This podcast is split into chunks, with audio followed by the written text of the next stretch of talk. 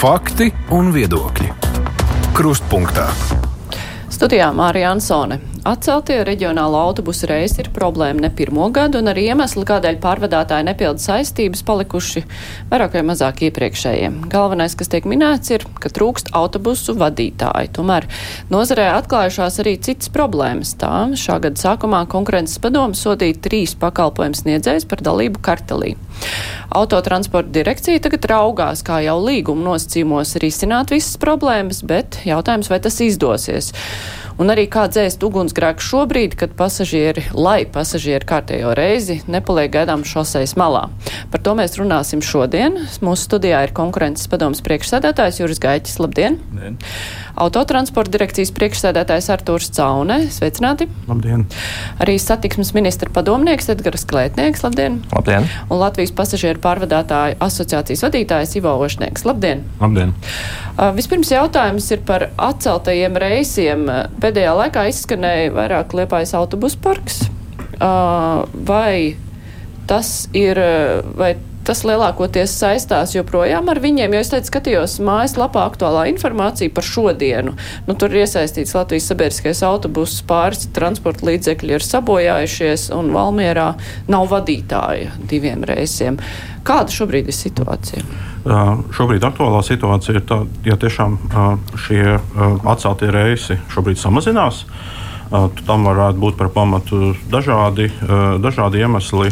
Katrā ziņā mēs to novērojam, ka šo atcelto reisu skaits ir krietni, krietni mazāks. Tas pīķis bija vasaras beigās un rudens sākumā. Šobrīd mēs redzam samazinājumu tendenci. Un, protams, ka arī šeit mūsu mājaslapā redzamā informācija ir arī informācija pasažieriem. Un, kopumā jau maršrutu tīklā mēs nevaram sagaidīt, ka visi simtprocentīgi reisi tiks izpildīti. Parasti kaut kas gadās, ir kādi ceļa apstākļi. Protams, šoferu trūkums ir bijis minēts kā lielākais iemesls šo, šogad vasarā. Un tomēr tie ir daudz tādi faktori, kurus var ietekmēt uh, paši pārvadātāji, kur veic šos pārvadājumus. Bet uh, pasažieriem droši vien ir jārēķinās, ka vienmēr var gadīties kāds tehnisks kļūme, kāda avārija, kāds satiksmes negadījums vai arī, piemēram, laika apstākļi, kad viens vai otrs reizes nenotiek. Bet jūs esat interesējušies, nu, kāpēc ir tās daudzās slimības lapas pēkšņi nu, tā, tādā vienā klājienā kopā, vai tur tas neizskatās aizdomīgi, nu, vai arī nu, tā ir cilvēki pēkšņi sāk slimot. Nu, es šeit varu runāt tikai pieļāvumu formā. Tas mums, kā pasūtītājam, nav tas jautājums, kuru mēs varam pārvaldīt. Ja, tas ir darba devēja, darba ņēmēja attiecības. Un, droši vien arī šeit es tā dziļāk nevarēšu komentēt slimības lapu jautājumu. Tas ir vairāk droši vien arī tad, jā, jāskatās varbūt kontekstā, jo ir atsevišķos gadījumos ir novērojamas gan teiksim, kaut kādas. Nu, epidēmijas vai, vai, vai, vai slimības. Ja mēs paši zinām, ka rudenos ir, ir kaut kāda slimības viļņa, ja, tad arī, protams, šie, nu, teiksim, šāds darbinieku trūkums var tikt izjusts. Ja, bet tas nekādā gadījumā neataisno to reizi kavējumu. Šī ir gadiem ilgi ielaista problēma, kas ir jautājums par attieksmi, par to, ka šī profesija vienkārši ir padarīta nesimpātiska.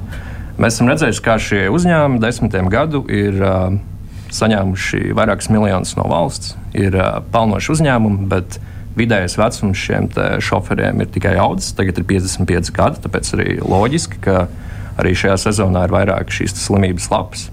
Uh, šie darba apstākļi nones līdz tādam līmenim, ka vienkārši mums pat nākotnē būs, jau tagad, un arī nākotnē būs vēl lielāks iztrūkums ar šoferiem. Uh, Un šajā gadījumā, protams, vislabākais risinājums, ko arī ministrs jau no pirmās dienas ir teicis, ka tā ir ģenerāla vienošanās. Tikai vienīgi ar ģenerālu vienošanos mēs varēsim panākt to, ka darba apstākļi šoferiem uzlabojas. Tas būtībā arī ir nu, tāds, godīgi sakot, vienīgais risinājums, kas tiešām šo problēmu ilgtermiņā var atrisināt. Ja mēs arī varam runāt par sodiem vēlāk, Bet, ja mēs fundamentāli vēlamies atrisināt šo problēmu, tad tā ir vienīgi ģenerāla vienošanās. Jā, par to mēs noteikti runāsim. Arī autotransporta direkcija par šo ir runājusi, sniedzot iespējamos risinājumus. Bet es tomēr gribētu vēl mazliet atkāpties eh, uz konkurences padomus lēmumu, eh, kad jūs konstatējāt, ka trīs eh, šie te pārvadātāji ir vienojušies neatļauti.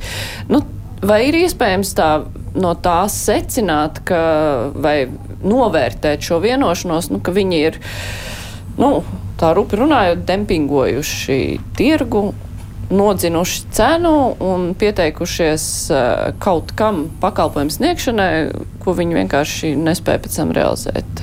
Vai tādas varētu būt tās sekas šai aizliegtajai vienošanās? Konkurences padomu savā izmeklēšanā nevērtēja cenas, cenu attiecības.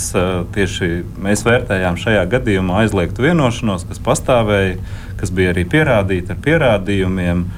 Un, mēs nevaram apgalvot, ka šajā gadījumā bijusi cenu dempingošana vai, vai cenu palielināšanu, piemēram, kas piemēram, konkurences likuma ir, likumā ir prezumcija, ka aizliegtas vienošanās rezultātā ir sadārdzinājums par 10%. Šajā gadījumā pastāv sabiedrībā apgalvojums no šiem karteļu dalībniekiem par to, ka tās cenas ir bijušas zemākas. Nu, mēs neesam vērtējuši šo savā lēmumā cenu attiecības. Tas nav tā, ka viņi ir mēģinājuši izstumt vienkārši citus no tirgus, bet viņi ir tikai savstarpēji vienojušies par to, nu, teiksim, dabūt kaut kādu tirgus daļu, uz kur varbūt citi nemaz nepretendē.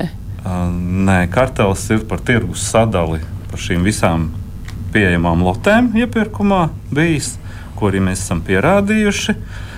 Ar dažādiem veidiem viņi ir mēģinājuši šo panākt, šo tirgus sadali, kā tas viņiem ir izdevies, un tas ir redzams. Vai jūsu asociācijā ir tie karteļu dalībnieki? Jo es skatījos, ka arī es neatradu jums aktuālo mājaslapu, bet ka no 19. gada, kad bija 39 asociācijas dalībnieki, tagad 33, kas tur ir pazuduši. Ne uz doto brīdi mums ir mazāk asociācijas biedri, 24. A, bet, jā, bet jāsaka tā, ka Eh, jā, šie karteļu uzņēmumi divi izstājās, kas bija asociācijas biedri 20. gadā. Viņi izstājās no asociācijas, un, eh, jo saredzēja citu ceļu ejām, eh, un viens netika uzņemts no šiem karteļu dalībniekiem. Tā kā dotajā brīdī asociācijā nav neviena jau vairākus gadus, neviena karteļu dalībnieka. Bet, nu, kā jūs saskatāt, kā šāds kartelis ietekmē vispār situāciju tirgu un tajā skaitā arī to, nu, par kādu naudu šies, šis tirgus dalībnieks sniedz savu pakalpojumu, respektīvi, vai šīs nepietiekamās izmaksas, kas tiek uh, novirzītas uh, auto, autobusu vadītājiem, var būt sekas tam, ka nu, kāds ir vienojies sadalījis tirgu un pēc tam vienkārši neiegulda savos vadītājos. Tā, tāda iespējamība pastāv, jo būtībā, ja mēs skatāmies uz šo iepirkumu, tad uh, it sevišķi pirmajā daļā Eh, pirmajā šajā daļā bija tā, ka eh, uzvarēja ne jau samnieciski izdevīgākais piedāvājums, bet lētākā cena. Tāpēc, ka pēc pirmās daļas visi saprata, ka ir jāpiedāvā maksimāli šie punkti par tehnisko piedāvājumu, savādāk mēs vispār nevaram cerēt uz uzvaru. Un, un dotajā brīdī viens no būtiskiem argumentiem ir šis piedāvājums, iespējams, par ļoti zemu cenu, kur netika ierēķināts šis atalgojums pienācīgs. Un tas nav noslēpums, ka uh, šie dalībnieki, kas arī ir iesaistīti kartelī, sākotnēji piedāvāja šoferiem atalgojumu par stundas tarifu likmi 3,350. Kaut nolikumā bija 5 eiro jāmaksā. Līdz ar to jau šeit saknē tika ierēķināts, mēs saprotam to, ka tika ierēķināts šis atalgojums mazāks. Un, tāpēc ar šie šoferi nav pieejami šajā situācijā konkrēti dažiem uzņēmumiem īpaši kritiski. Protams, nozarē pastāv problēmas, bet dotajā brīdī ir konkrēts problēmas pāris uzņēmumiem ar šiem autobusu vadītājiem. Ja mēs skatāmies reģionālus pārvadājumus, un šeit es tomēr negribētu īsti piekrist ministrijas pārstāvim par to, ka ģenerāla vienošanās šeit kaut ko risinās dotajā brīdī mums eh, satiksmes ministrija autobusu pārdotājiem nav samaksājusi bišķi vairāk par padarīto darbu par deviņiem mēnešiem, kā pāri par 5 miljoni, un mums nav nauda ne novembrim, ne decembrim pakalpojumu nodrošināšanai. Līdz ar to, kā šeit ģenerāla vienošanās atrasinās šādu problēmu, kad būtībā valsts ir pasūtījusi pasūtījumu, noteiktu kilometru skaitu, un jau dotajā brīdī nesamaksā šo finansējumu. Ģenerāla vienošanās šo ne, neatrisina. Ģenerāla vienošanās rezultātā iespējams valstī būs vēl vairāk jāmaksā. E, par ģenerālu vēlēšanos mazliet vēlāk. Es e, gribēju secīgi tomēr saprast e, par to, vai nu, tā problēma, kā jau Ošnieka kungs minēja, vai problēma ar to, ka nevar samaksāt šoferiem, nav ielikta jau saknē, noslēdzot līgumus, izvēloties šos pārvadātājus, vai autotransporta direkcija neredz, ka tās izmaksas, kuras tiek piedāvātas, nu, tās nav adekvātas. Um, es nevarēšu komentēt uh, to laiku, kad notika iepirkuma komisijas uh, uh, lēmumu veikšana. Mēs esam jauna valde un darbojamies kopš šī gada aprīļa beigām. Līdz ar to man ir diezgan grūti komentēt, kādi bija tieši konkrētie lēmumi. Bet, protams, ka iepirkuma procedūras laikā tiek skatīts arī faktors, vai konkrētais piedāvājums nav nepamatoti lēts. Un, uh, nu, šajā gadījumā šie konkrētie piedāvājumi netika atzīti par nepamatot lētiem. Ja, tad, tad, acīm redzot, ja, tajā laikā, vērtējot šos piedāvājumus, tika izdarīts secinājums, ka šī cena ir atbilstīga tam pārvadājumu raksturam, tam pārvadājumu apjomam, kas tika plānots. Bet, uh, gatavojot līgumus, principā tad uh, autobusu vadītāja atalgojums tur parādās kaut kādā atsevišķā pozīcijā. Nu, respektīvi, uh, ja mēs paskatāmies uz to pašu Liepājas autobusu parku, viņiem 22. gadā ir uh, apgrozījums ir pieaudzis, 21. gadā bija peļņa.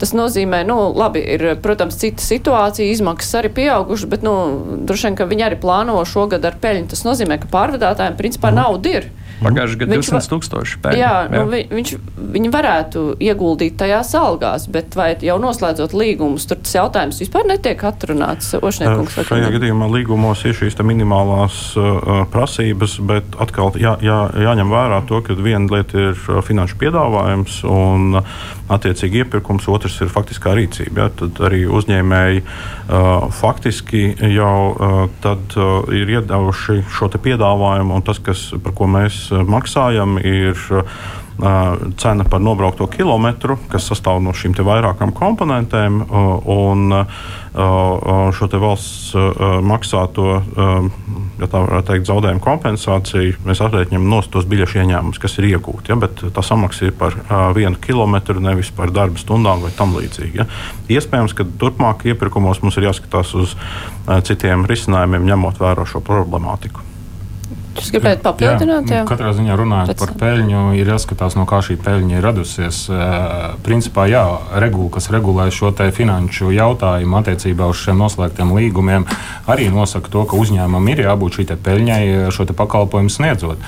Bet šeit ir jāsaka tā, ka daudziem uzņēmumiem ir arī papildu darbības, un no šīm papildus darbībām viņi nekādā veidā neseks tos zaudējumus, kas viņiem rodās regulāro pašreizēju pārdājumu nodrošinot. Jautājums ir, vai viņi uz šīs peļņas rēķina ir gatavi šo naudu ieguldīt šoferu atalgojumā. Tas ir cits jautājums. Bet par to ielikšanu jāsaka tā, ka jau 19. gadā, kad tapa šī sabiedriskā transporta koncepcija, Tanī brīdī jau pēc valsts ieņēmuma dienas datiem vidējā darba samaksa valstī autobusu vadītājiem bija pār pa 6 eiro. Mums arī nav no, skaidrs, no kurienes tika rauti šie 5 eiro, 5,50 un 6,05. Ja tajā laikā jau šāda darba samaksa bija vidējā darba samaksa. Um, ja mēs atgriežamies arī pie ģenerāla vienošanās, es domāju, jāstāsta arī šis kontekstā par šiem karteļiem. Ir jāsaprot, ka mēs nevaram pieļaut to, ka uzņēmumi vienkārši vēlas, lai valsts viņu vietā atrisina visas problēmas. Jo jebkuram uzņēmumam, kas domā ilgtermiņā, ir jādomā, vai pakalpojumu kvalitāte palielinās vai krītas. Uzņēmuma reputācija, jaunas tehnoloģija apgūves un, protams, arī vai ir konkurētspējīgs piedāvājums saviem darbiniekiem. Un tas, ko mēs redzam tieši tāpēc, ka nav bijusi ģenerāla vienošanās, ir šādas sekas. Tad, attiecīgi, ja šoferis vēlas apmācības rekvalifikācijai, pašam jāpaņem atvaļinājuma diena, pašam par to arī jāmaksā veselības apdrošināšanas nav. Mums ir, mums ir šoferi no Liepājas, kas uz darbu iet 6 no rīta, atbrauc Rīgā 10 no rīta, un tad atpakaļ 5, lai brauktu. Viņiem pa vidu vienkārši ir jāsēž. Viņiem neko par to nesamaksā. Mums ir šoferi, kuri gaida 6 līdz 7 nedēļas, lai vispār dabūtu uh, nedēļas nogali brīvu, ko viņa ģimene var pavadīt. Uh, šis ir jautājums par attieksmi, kur acīm redzot pelnoši, un es uzsveru pelnoši uzņēmumu kuri šogad sodos ir samaksājuši zem 4000, vienkārši izvēlas neinvestēt savu darbinieku labklājībā. Un pats galvenais, es gribu teikt, konkurētspējā. Šis nav jautājums par kaut kādu tur labdarību, tas ir par to, vai uzņēmumi ilgtermiņā domā, kā mēs varēsim tik ilgi dzīvot pie situācijas, kur vidējais vecums mums šoferiem ir 55 gadi un aug. Uzņēmumam ir jādomā ilgtermiņā un jādomā, kā šo savu uh, piedāvājumu darbiniekiem padarīt konkurētspējīgu. Un, diemžēl visus šos gadus mēs to neesam redzējuši.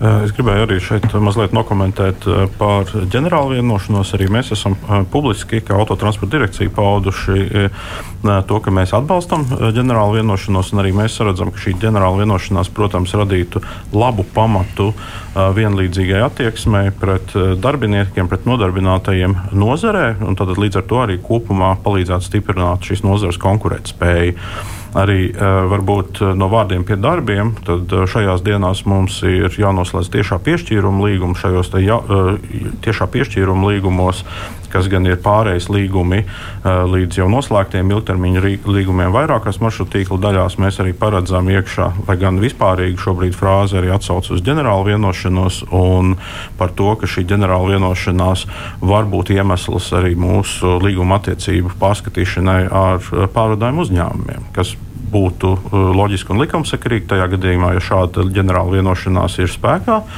Un viņa ir attiecināma arī uz to, tām līguma attiecībām, kas ir mums ar pārdājumu uzņēmumiem. Ja? Tad mēs esam šajā gadījumā arī gatavi ar darbiem atbalstīt šādu ģenerālu vienošanos. Tas nozīmē, ka mēs, es tā jūtu, ka mums neizdosies no šī jautājuma pārcelt otrajā daļā, bet tad es gribu precizēt, ja šajos līgumos, kas būs tā, tie ugunsgrēka dzēšanas līgums, ja es pareizi saprotu. Tā Ja tur ir atsauce, ka tas var būt iemesls attiecību pārskatīšanai, tad principā līgumu var ar kādu pārvadātāju laust atsaucoties uz to, ka viņš nav noslēdzis ģenerāla vienošanos. Nē, es domāju, šajā gadījumā pozitīvā ziņā tas, ka, protams, ka šo līgumu cenu pamatā ir arī personāla atalgojuma pakete, ir kaut kāda izmaksu kalkulācija.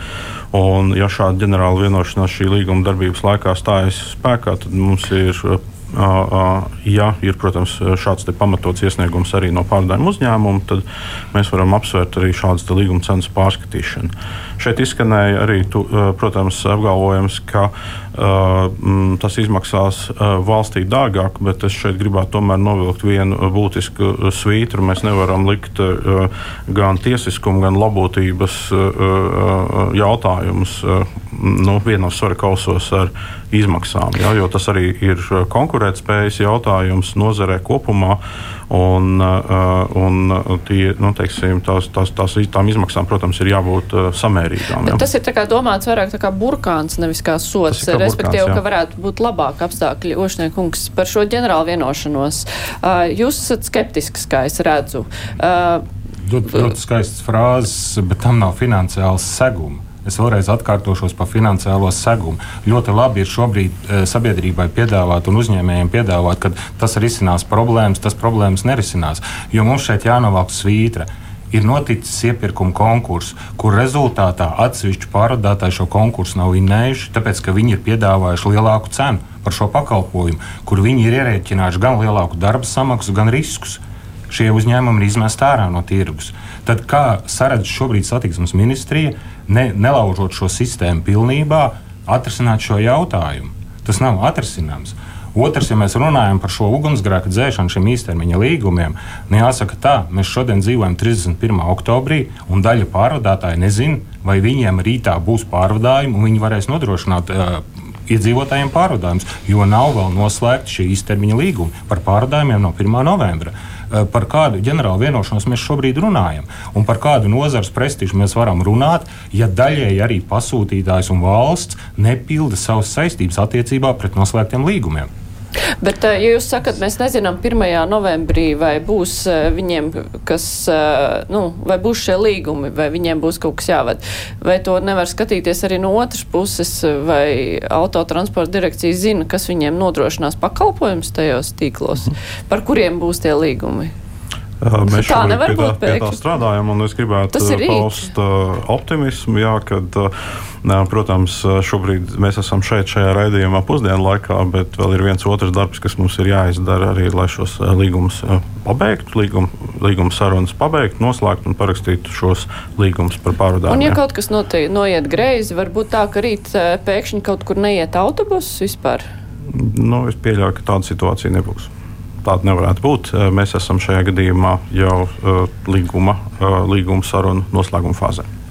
Es drīkstu atbildēt atkal par ģenerālu vienošanos. Nu, es atvainojos, mēs atkal šeit dzirdam vairāk atrunu nekā risinājumu. Paskatāmies uz citu valstu piemēru. Šī metode strādā. Mēs dzirdējām, ka šoferu nav, risinājumu nav. Mēs domājam, ministrijā, ka risinājums ir jāatrod. Mēs domājam, ka ģenerāla vienošanās panāks to. Mēs dzirdam, desmit gadus jau nozara runā par streikiem, par piketiem, un ir šī vēlme un sapratne. Daudz cilvēku arī labprātīgi aiziet bezdarbā, ja viņiem ir apnicis strādāt šādos apstākļos, kur, es atkal uzsvēršu, pelnoši uzņēmumi izvēlas šo peļņu novirzīt uz akcionāriem tā vietā, lai nodrošinātu to, ka ir labi apstākļi darbiniekiem un līdz ar to arī kvalitāte patērētājiem. Ja tad, attiecīgi, šie reisi nebūtu atcelti. Un pēdējā lieta, ko es gribu pieminēt, ir. Es pats arī esmu nodarbojies ar uzņēmējdarbību, un vienmēr ir veidi, kā var optimizēt savus procesus, lai tomēr nodrošinātu konkrētu spējīgu atalgojumu saviem darbiniekiem. Nav tā, ka autobusu nozare ir kaut ko īpaši tajā ziņā, ka vienmēr darbiniekiem ir darba apstākļiem jābūt briesmīgiem. Tā nav patiesība. Vienmēr var atrast risinājums. Bet jautājums ir, vai ir šī motivācija to darīt. Un, attiecīgi, ģenerāla vienošanās, un, protams, arī mēs vēlāk parunāsim par šo sodu izmaiņām. Es domāju, ka varēs palīdzēt, jo galu galā tas, ko mēs vēlamies, lai darbiniekiem būtu labi dzīves apstākļi, lai arī būtu jaunieši, kas arī šajā profesijā iet, redz, ka tur ir attiecīgs sociālais nodrošinājums, ir arī prestižs, un, protams, lai beigās neviens uh, nesēdētu uh, un gaidītu autobusu, kas tā arī nepienāk. Un, man liekas, mēs par šo arī nedrīkstam aizmirst. Bet nu, no konkurences viedokļa, tas, kas tika minēts, ka ir uzņēmumi, kuri vienkārši uz to rēķina, ka viņu darbiniekiem ir sliktāk, nu, viņi dabūna pasūtījumus.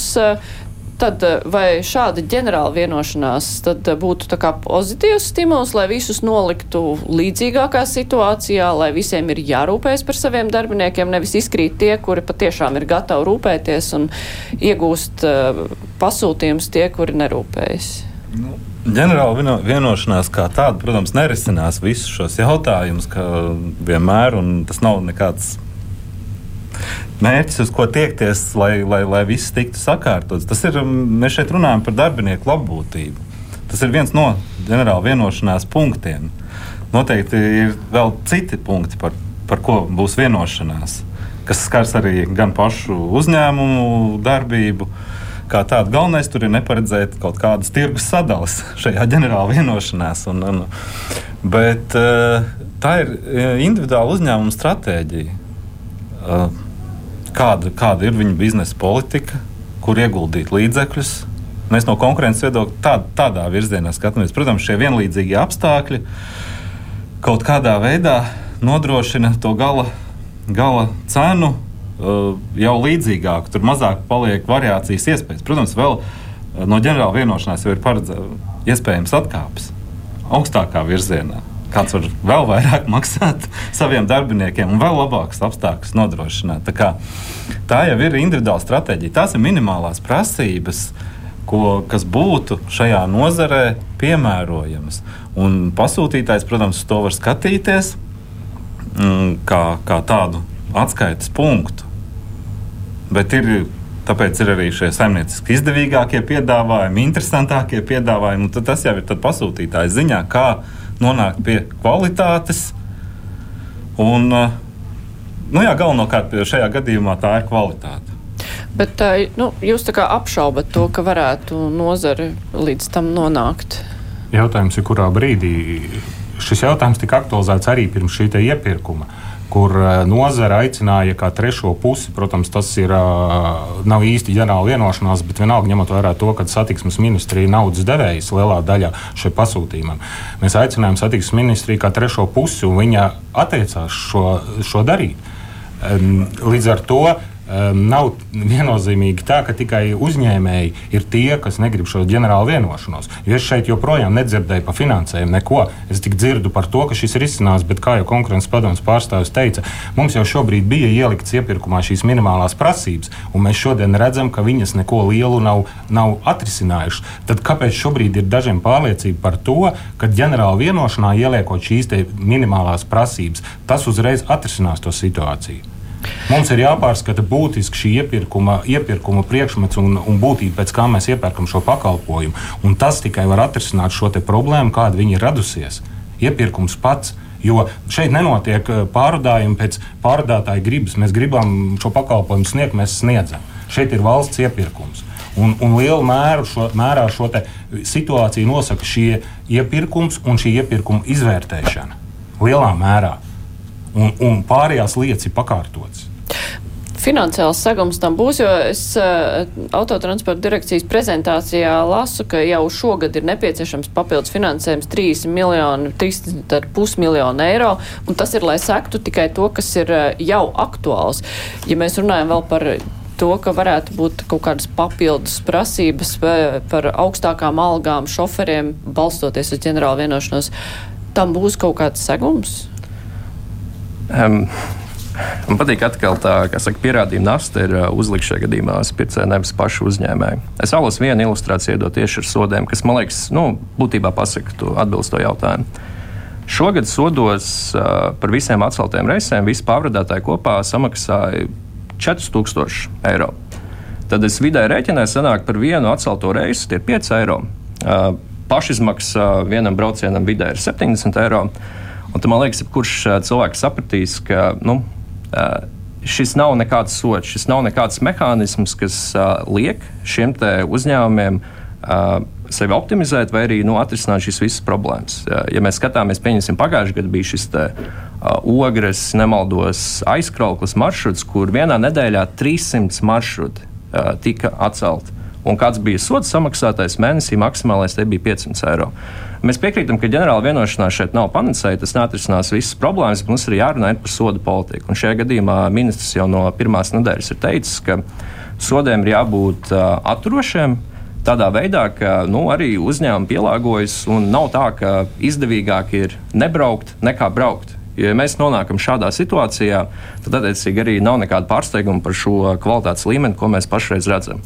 Un, ja mēs ejam arī soli tālāk, ko mēs arī esam apskatījušies, es piekrītu, ka iepirkumā mēs veiks, būs jāveic, būs jāveic būtisks izmaiņas, jo pieņemsim Vācijā, kādas notiek šādos līdzīgos iepirkumos. Tur soda politika ir aprakstīta veselā katalogā ar desmit lapas pusēm. Šajos vecajos līgumos tā ir būtībā viena rindkopa, nu, kas arī ir interpretējama. Tur mēs attiecīgi skatījāmies juristiem, vai tas ir Par katru atcelto reizi varētu iedot 500 eiro sodu, vai arī mēnesī maksimālais iedot 500 eiro sodu. Bet tas, kas no mūsu puses ir skaidrs, ka sodu politika arī ir jāmaina. Šis nav vienkārši jautājums par to, tikai kā valsts atkal varēs sekt šos visus zaudējumus.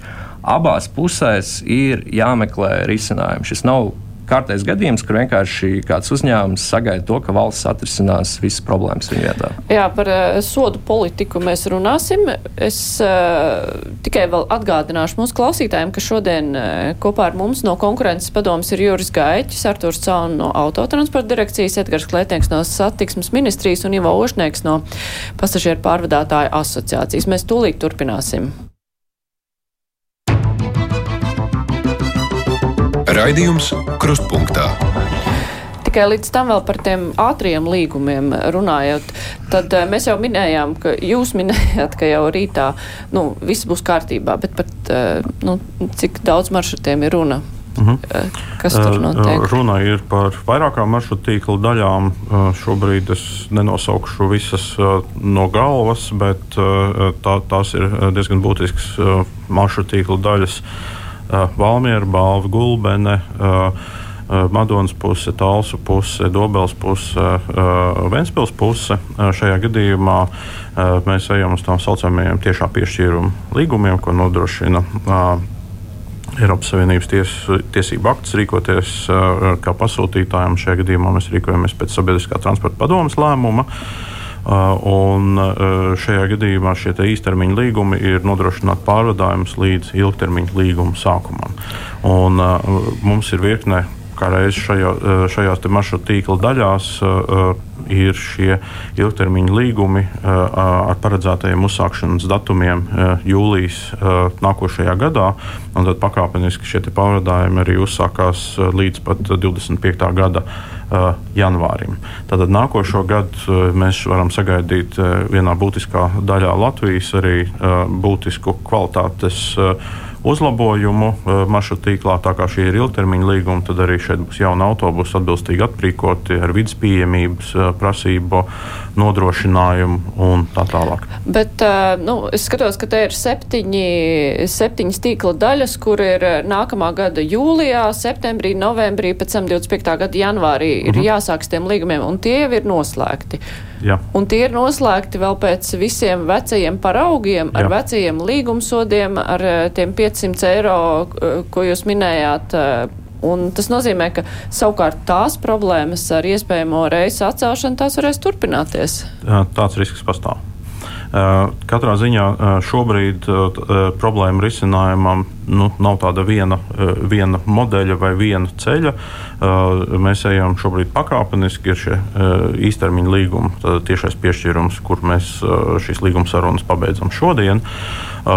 Jau šeit mēs esam ietvēruši vienu soli tālāk arī šo sodu sistēmas nu, pilnveidošanā. Ir nu, teiksim, izmainīti atsevišķi, atsevišķi sodi, atsevišķi sodu piemērošanas politika. Un, uh, pēc manas kolēģa ziņotā arī pārvadājuma uzņēmumi ir to akceptējuši. Ja, tad mēs varam teikt, ka mēs redzam šo te, uh, sodu politiku kā atturošu un uh, savstarpēji. Bet tā soda politika tiks mainīta tajos Jā. noslēgtajos līgumos, bet kāda tā ir? Uh, šobrīd uh, viņa lielā mērā saglabā šo uh, salīdzinoši varbūt īso. Jā, Klētniekungs minēja, ka tas ir vesels sodu katalogs. Protams, ka pie, tāda izstrādes mums ir vēl jāpiestrādā, un uz šiem te īstermiņa līgumiem mēs pašlaik to neplānojam darīt.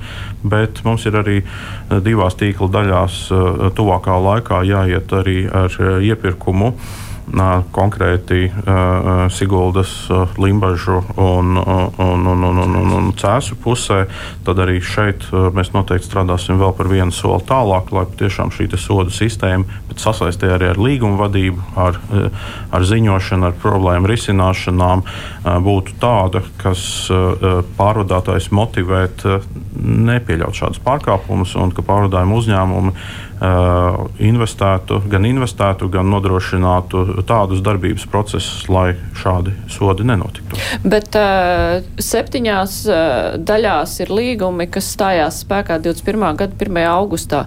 Vai tie visi ir uh, tie, par ko konkurences padoma konstatēja aizliegto vienošanos? Nē, ne visi. Cik no viņiem? Viens tātad, principā tā ir pierīga, un tā ir maršruta tīkla daļa uh, Liepāja.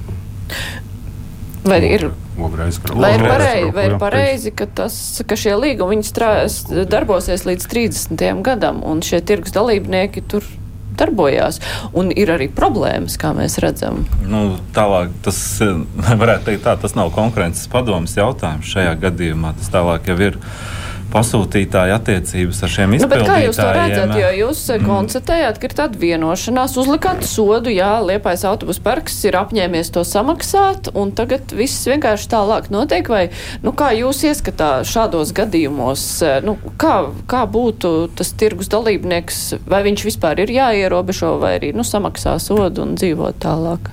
Uh, Viņam šobrīd, uh, pēc mūsu lēmuma, ir dažādi ierobežojumi turpmākās piedalīšanās valsts pasūtījumos, kā arī viņam ir sabojāta šī reputācija. Līdz ar to to darījumu partneri, nu, ne tikai autotransporta direkcija, kā viens no darījuma partneriem, jau skatās savādāk. Tas ir nu, plus vēl arī sots, kas ir jānomaksā. Par tālāku darbu mūsu mērķis nav iznīcināt uzņēmumu kā tādu. Viņam ir jādarbojas tirgu, bet jādarbojas godīgi. Tātad pēc šīs pārkāpuma atklāšanas, pierādīšanas, ceru, ka viņi ir guvuši mācību un turpmāk piedalīsies godīgi. Bet tā reputācija tad ir sabojāta vai nav sabojāta? Jo no vienas puses, eh, nu, sodīt eh, negribam iznīcināt, bet, nu, ja ir tā sabojātā reputācija, tad eh, kā, kā vispār to var ņemt vērā tālākos līgumos? Ja es varu, Jā. no ministrijas puses mums ir uh, pavisam vienkārši nostāja. Tās ir divas acīm redzamas lietas. Viena, esošā soda politika nestrādā, viņa ir jāpārtaisa. Un otrs ir obligāti bez izņēmumiem ir jāiekļauj atruna, ka jebkādu tur atklātu negodīgu vienošanās vai karteli var vienpusēji laust līgumu. Tas, tas no mūsu puses ir uh, pilnīgi skaidri pateikts. Uh, Jā, es domāju, ka šajā gadījumā ir virkne, uh, virkne uh, jautājumu, kas mums ir jārisina arī gatavojot turpmāk iepirkumus. Uh, tas ir gan prasības attiecībā uz labu reputāciju, gan šī sodu paketi, gan arī prasības, tāpat kā mēs minējām, ģenerāla vienošanās kontekstā arī darbinieku labbūtībai un citas. Tātad šeit ir virkne, virkne mājas darbu, kurus mēs varam skatīties uz jaunajiem līgumiem. Protams, šobrīd, ja mēs skatāmies uz šiem jūsu minētajiem arī esošajiem līgumiem, tad šajā gadījumā ir konkurences padomus lēmums, un mēs arī vērtēsim savu rīcību atbilstoši tam, kādā mērā teiksim, šis lēmums stāsies spēkā.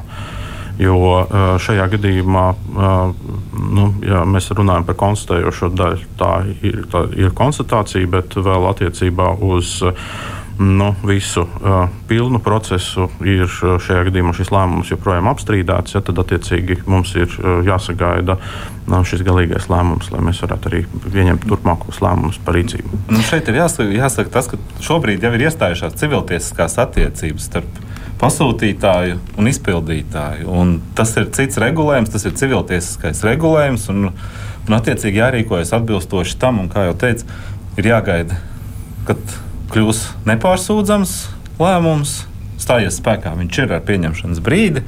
Katrā ziņā jāgaida, kad viņš kļūst nepārsūdzams, un tad var attiecīgi izējot no civila likuma normām. Skatīties, vai ir iespēja pārtraukt šos līgumus, piemēram, viņi ir noslēgti ar viltu, maldiem un tā tālāk. Bet, eh, nu, domājot par kaut kādu līgumu sastādīšanu nākotnē, pie kā tagad tiek strādāts, vai tur ir kaut kādas eh, lietas jāiestrādā, lai tādas aizliegtas vienošanās nevarētu? Vai to ir iespējams tajā līgumā jau iepriekš, nu, tajos potenciālos līgumos vai prasībās, eh, kas tiek uzstādītas pārvadātājiem, vai to var kaut kā jau pirms tam iestrādāt? Respektīvi, vai jūs redzat trūkumus iepriekšējā kārtībā? Nu, šajā gadījumā, jā, atskatoties uz noslēgtiem līgumiem, protams, šur, šeit nav tiešas atsauces par līgumu laušanas iespējamām vai kaut kādām zaudējumu sekšanām.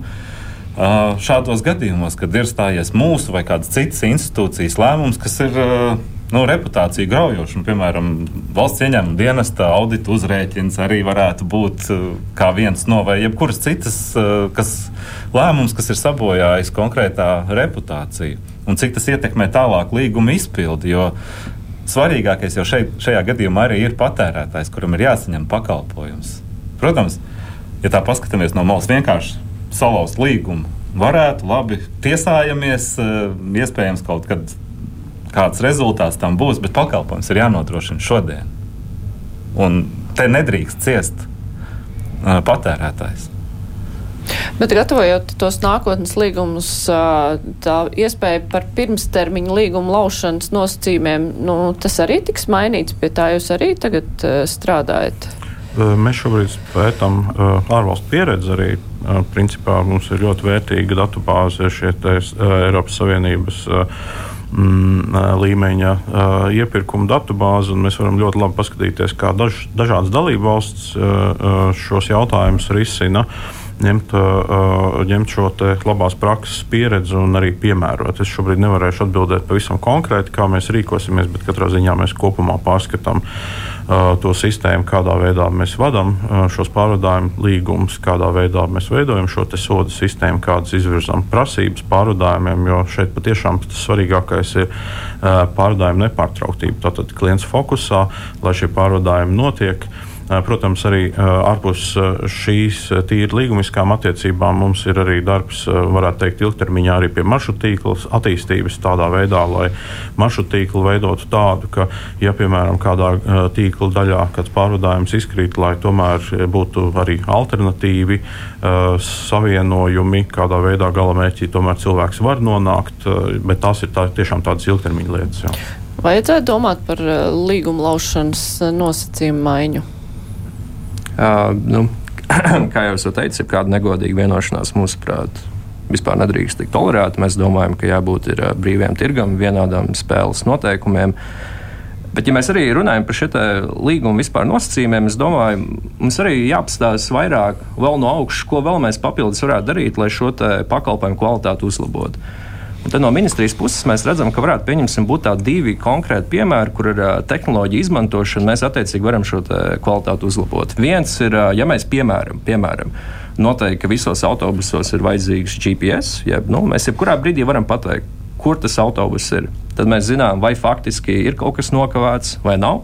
Mēs arī varam uh, Galvlietotājiem pateikt, šeit būs nokauta, priekšlaicīgi brīdināt. Un otra lieta, protams, arī par šo biļešu iegādi. Jo, kā mēs visi zinām, ja, ja tiek iegādāta biļete un pakalpojums nav dots, tad attiecīgi ir, ir kompensācija paredzēta. Bet, ja cilvēks netiek uz autobusu, nevar nopirkt biļeti, tad arī nevar sasniegt šo kompensāciju. Un es domāju, šādas lietas, par šādām lietām mums arī ir jādomā. Nav viss tikai par sodiem, ģenerāla vienošanos vai pret karteļiem. Mums arī jādomā soli augstāk. Nu, kā saka, iedrošināt šo industriju arī iet vairākas 21. gadsimta puses. Nu, tas, jā, bet tajā pašā laikā šīs pamatlietas un tie sodi tas ļoti ietekmē. Bet, eh, piemēram, līdz 30. gadam tie līgumi, kas ir noslēgti, tad ar tiem neko vispār nevar darīt. Tad viņi līdz 30. gadam tā arī turpinās darboties kā līdz šim, un tur nebūs nu, līgumsodi vecie.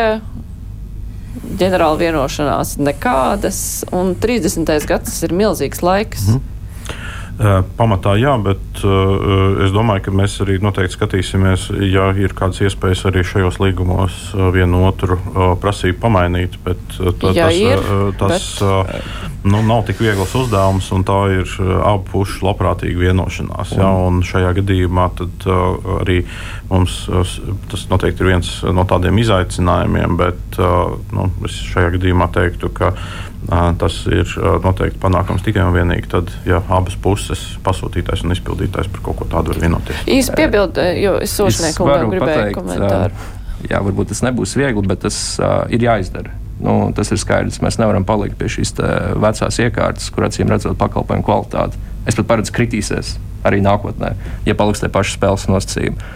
Mums ir jāatrod risinājumi. Mēs arī, protams, esam gatavi ar uzņēmējiem arī pašiem runāt, kādas ir viņiem idejas.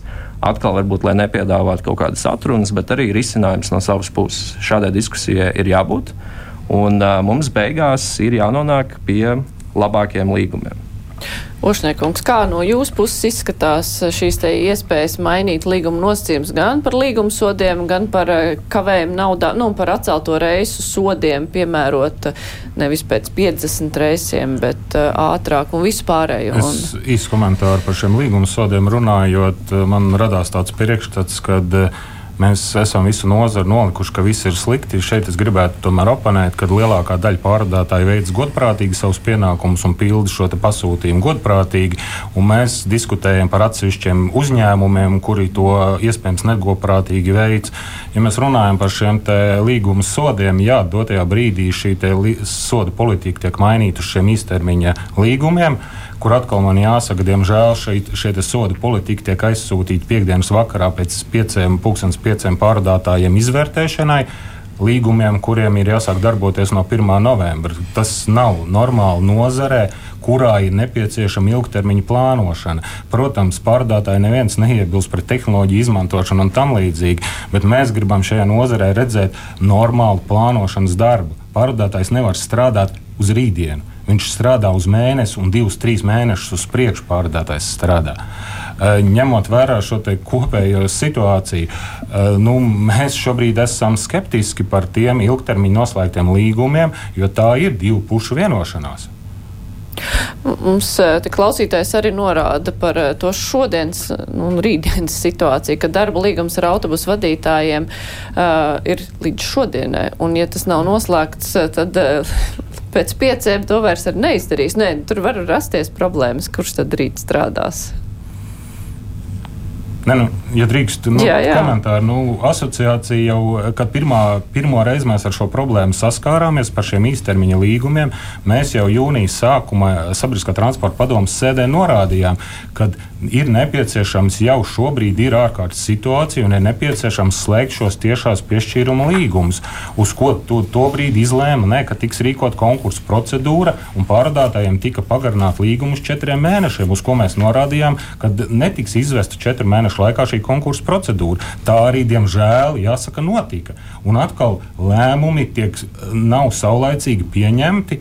Un šeit jāsaka tiešām tā, ka uzņēmumi jau gribētu sniegt šo kvalitatīvo pakalpojumu, bet kā, kā jau minēja radio, tad eh, darbiniekam ir jāzina, nevis šodien viņam jāzina par rītdienu, bet viņam ir jāzina, ko viņš vai šajā uzņēmumā viņš strādās pusgadu vai nestrādās uz priekšu. Un, ja darbinieks katru dienu nāk pie uzņēmuma vadības un prasa, man rītā darbs būs, tā nav normāla situācija. Un tā, tādējādi mēs arī graujam šo prestižu šai nozarei. Protams. Jūsu komentārs. Uh, šajā gadījumā es katrā ziņā uh, saprotu uh, arī Rošinieku kunga teikto. Šeit man jāsaka arī mūsu uh, līguma partneriem, uh, pārvadājumu uzņēmumiem, paldies par operativitāti un arī uh, par, nu, teiksim, par šo te atbalstu, pieņemot mazliet savādākus līguma noteikumus nekā tie bija iepriekš. Līdz ar to mēs virzamies uh, solīti uh, pareizā virzienā. Un, uh, jāsaka, tā, ka uh, man tiešām nav bažu, ka rītdien kāds, uh, kā, kādi pārvadājumi uh, nenotiks. Bet, protams, uh, hop, uh, nevar vēl pateikt, ir jāparaksta arī līguma. Cikos tad ir paredzēts tā līguma parakstīšana? Nu, droši vien secīgi pēc šī redzējuma. Divos. Nē, divos, nē, sākot no diviem. ļoti, nē, tas eh, ļoti interesanti izklausās, protams. Bet labi, eh, mums ir palikuši tikai kādas minūtes septiņas par tiem atceltajiem reisiem galu galā. Uh, mēs runājam par šiem līgumiem, kas ir pagaidām tajās tīkla daļās, kur tie lielie līgumi stāsies spēkā nākamajā vasarā un rudenī, bet uh, tas nerisina īsti tos eh, problemātiku ar atceltajiem reisiem. Kā tā var tikt atrisināta? Ja šobrīd es saprotu, ka sākumā jūs minējāt, ka tagad tā problēma ir mazāka, bet nu, atkal sāksies kaut kāda slimošana, atkal būs eh, aizvietotāji. Ir atrasti, nav atrasti. Um, kā jau teicu, ministrs pievērsās pie šīs problēmas pirmajā nedēļā, un tas, ko mēs arī ieteicām, ir tādi divi, nu, mēs to saucam par īstermiņa risinājumiem. Tieši šiem gadījumiem. Pirmais ir nodrošināt kaut kādu veidu ārkārtas transporta gadījumā, kad tiek atcelts maršruts. Iespējas ir vairākas. Tie ir citi pārvadātāji, kuriem attiecīgi nav problēmas ar šoferu pieejamību. Uzreiz Te jautājums citiem vietējās, pārvadātājiem. Būt. Jā, es, es tūlīt, es tūlīt, nu, jā, jā, es tūlīt pabeigšu. Tas var būt arī vietējās pašvaldības autobusi un arī uh, turisma aģentūras. Tagad ir ziemas sezona, un tur ir būt kaut kāda pieejamība. Atkal mēs no ministrijas vienkārši meklējam kaut kādas idejas un piedāvājumu, jo rīcībai ir jābūt. Un otra lieta, ko arī mēs esam ieteikuši, ir šo maršrutu vienkāršu pārzīmēšanu un optimizāciju. Pieņemsim, mēs sapratām, ka grobiņas, skrundas, šis tā, tā sauktais eksperiments ir bijis veiksmīgs. Attiecīgi mēs redzam, ka daži brīdi vieglāk ir autobus nodrošināts starp uh, punktu uh, B un C, nevis A un D. Protams, arī mūsu interesēs ir uh, novirzīt vairāk pasažierus uz dzelzceļu, tāpēc arī ministrs teica, ka netiks slēgta neviena stacija. Mēs gaidām arī jaunos vilcienus, kas arī pavisam drīz jau būs arī Latvijā.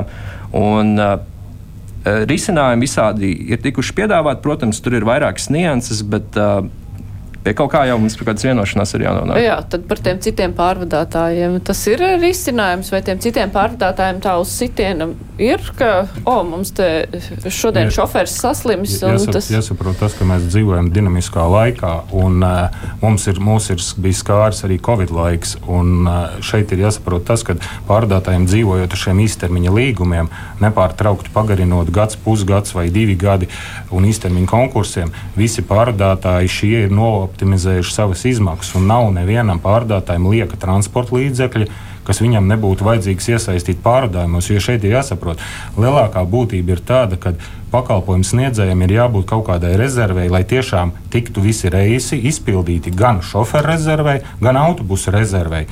Un, un līdz ar to nevienam nav šī rezerve tik liela, lai viņš pēkšņi kādā brīdī varētu aizdot citam pārdotājam. Tas ir punkts viens. Otrs, neviens uzņēmums no malas nebūs, kuram šobrīd stāv pie žoga autobusu un gaida to brīdi, kad varēs šo pakalpojumu īstenot, kad kāds nebūs izpildījis reisus.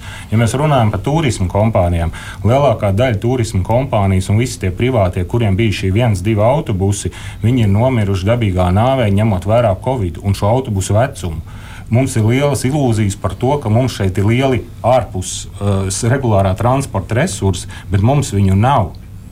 Un tas šo problēmu arī padara uh, dziļāku. Protams, ir jāmeklē risinājumi, bet es šeit vienīgo risinājumu saredzu to, ka esošā uzņēmuma ietvaros ir jāpalielina šīs rezerves. Gan autobusu vadītāja kā darba spēka rezerve, gan transporta līdzekļu rezerve kas līdz šim nav, nav bijusi varēta īstenot, jo, ja netiek pienācīgi samaksāts par pakalpojumu, līdz ar to šādas rezerves nevar izveidot. Ir jāsaprot tas. Un ātra maršruta pārplānošana, cik tāda ir iespējama? Um, te ir tāds mazo solīšu princips. Uh, mēs skatāmies arī šobrīd uh, uz tām pārmaiņām, kas būs nepieciešamas uh, jau nākošo gadu. Tad, tad īpaši pierīgā mums ir iespējas pārplānot maršrutus, būs vairāk vilcienu, tad labāks piedāvājums arī mēs varēsim šo maršrutu galos, piemēram, aizkrauklē vai tukumā vai Jelgavā savienot ar nu, autobusiem. Nu, ātri izdarāms. Uz apmēram pusgada laiks. Tas ir pusgads, bet jā. mēs saskaramies ar reisiem, piemēram, septembrī. Tur pēkšņi izkrīt vienu kaudzi reisu, tad eh, Jā. nu, teiksim, tādus ugunsgrēkus jau tas nedzēsīs. Tādus ugunsgrēkus tas nedzēsīs. Šobrīd tas mazais solīts, ko mēs darām, ir, jūs pieminējāt arī autotransporta direkcijas mājaslapu. Tad mēs tur pasakām, A, atcelts reizes. Šobrīd mēs strādājam pie tā, lai būtu arī B iekšā, kādas ir iespējamās alternatīvas. Ja, tā nu. būtu tas minimālā pasažieru informācijas sistēma, bet atkal ejot jau tālāk un nodrošināt labu informācijas sistēmu, tad mums ir nepieciešams jauns autobusu parks vis, visā faktiski Latvijā, lai varētu nodrošināt arī GPS informāciju un normāli arī reāla laika pasažieru informāciju, pie kā ir jāstrādā. Tas gan ir nevis nākamā gada, bet drīzāk aiznākamā gada jautājums, kad mēs varam uzlabot šo apziņošanu. Tad pirmā lieta ir mazliet vairāk informācijas un operatīvāka informācija pasažieriem, otrā lieta ir maršruta tīkla pārplānošana. Trešā ir arī mēs, piemēram, Pierīgā šobrīd uh, risinām to jautājumu, ka uh, mēs esam lūguši šai piegādātāju apvienībai arī pārdalīt uh, Uh, maršrutus un reisus uh, no teiksim, viena piegādātāja uz otru, ja, kas arī ir risinājums uh, tiem, kuriem ir mazāk šādi neizpilduši risks bijis. Mēs kopumā nodrošināsim stabilāku maršrutu tīklu. Jā, tādu īsu repliku, jo nu, teiksim, varbūt arī klausītāju nomierināšanai, jo tas, kas šeit tika dzirdēts, ir nu, diezgan daudz arī tā satraucošāk, ka ugunsgrēka dzēšana ir iespējama tikai daļēji, ka līgumu pārskatīšana ir šaubīga kas varētu iezīmēt arī problēmas nākotnē. Vai jums ir kaut kas, ar ko mierināt klausītājus? Jūs to varat pusminūtē izdarīt, bet tiešām pusminūtē. Mēs pie šī cītīgi strādājam. Protams, žēl, ka pie šīm problēmām jau netika strādāts, es teikšu, varbūt no 19. gada, varbūt tā var politiski korekti pateikt. Bet es tomēr vēlos pēdējo lietu pateikt. Mēs tomēr runājam par uzņēmumiem. Un es domāju, viņi ir vairākus gadus komfortabli saņēmuši šīs dotācijas. Tomēr uzņēmējiem arī jādomā par augšanu, par to, kā viņi savu biznesa modeli maina un pielāgojas tehnoloģijām un izmaiņām, kas ir notikušas šajā valstī. Un šajā gadījumā e, es vienkārši ceru, ka arī mēs pretīm nākoši saņemsim vairāk varbūt, tādu radošumu un iztēlu no uzņēmuma puses, nevis uh, papildus dotāciju prasīšanu. Jā, bet, nu, protams, arī no valsts puses, kā uzņēmums saka, gribētu skaidrību par nākotni. Es teikšu paldies uh, Arturs Caun, Edgars Klētnieks, Juris Gaits, Ivo Ošnieks bija šodien kopā ar mums studijā. Uh, šo, ar to arī kruspunktā izskan. Es ceru, ka rītdien ar tiem līgumiem viss būs kārtībā. Mums uh, Caunskungs uh, māja galva, ka būšot. Uz to arī cerēsim. Raidījuma producenti Ievzēs studijā bija Mārija Ansone. Visu labu un cerot uz to labāko.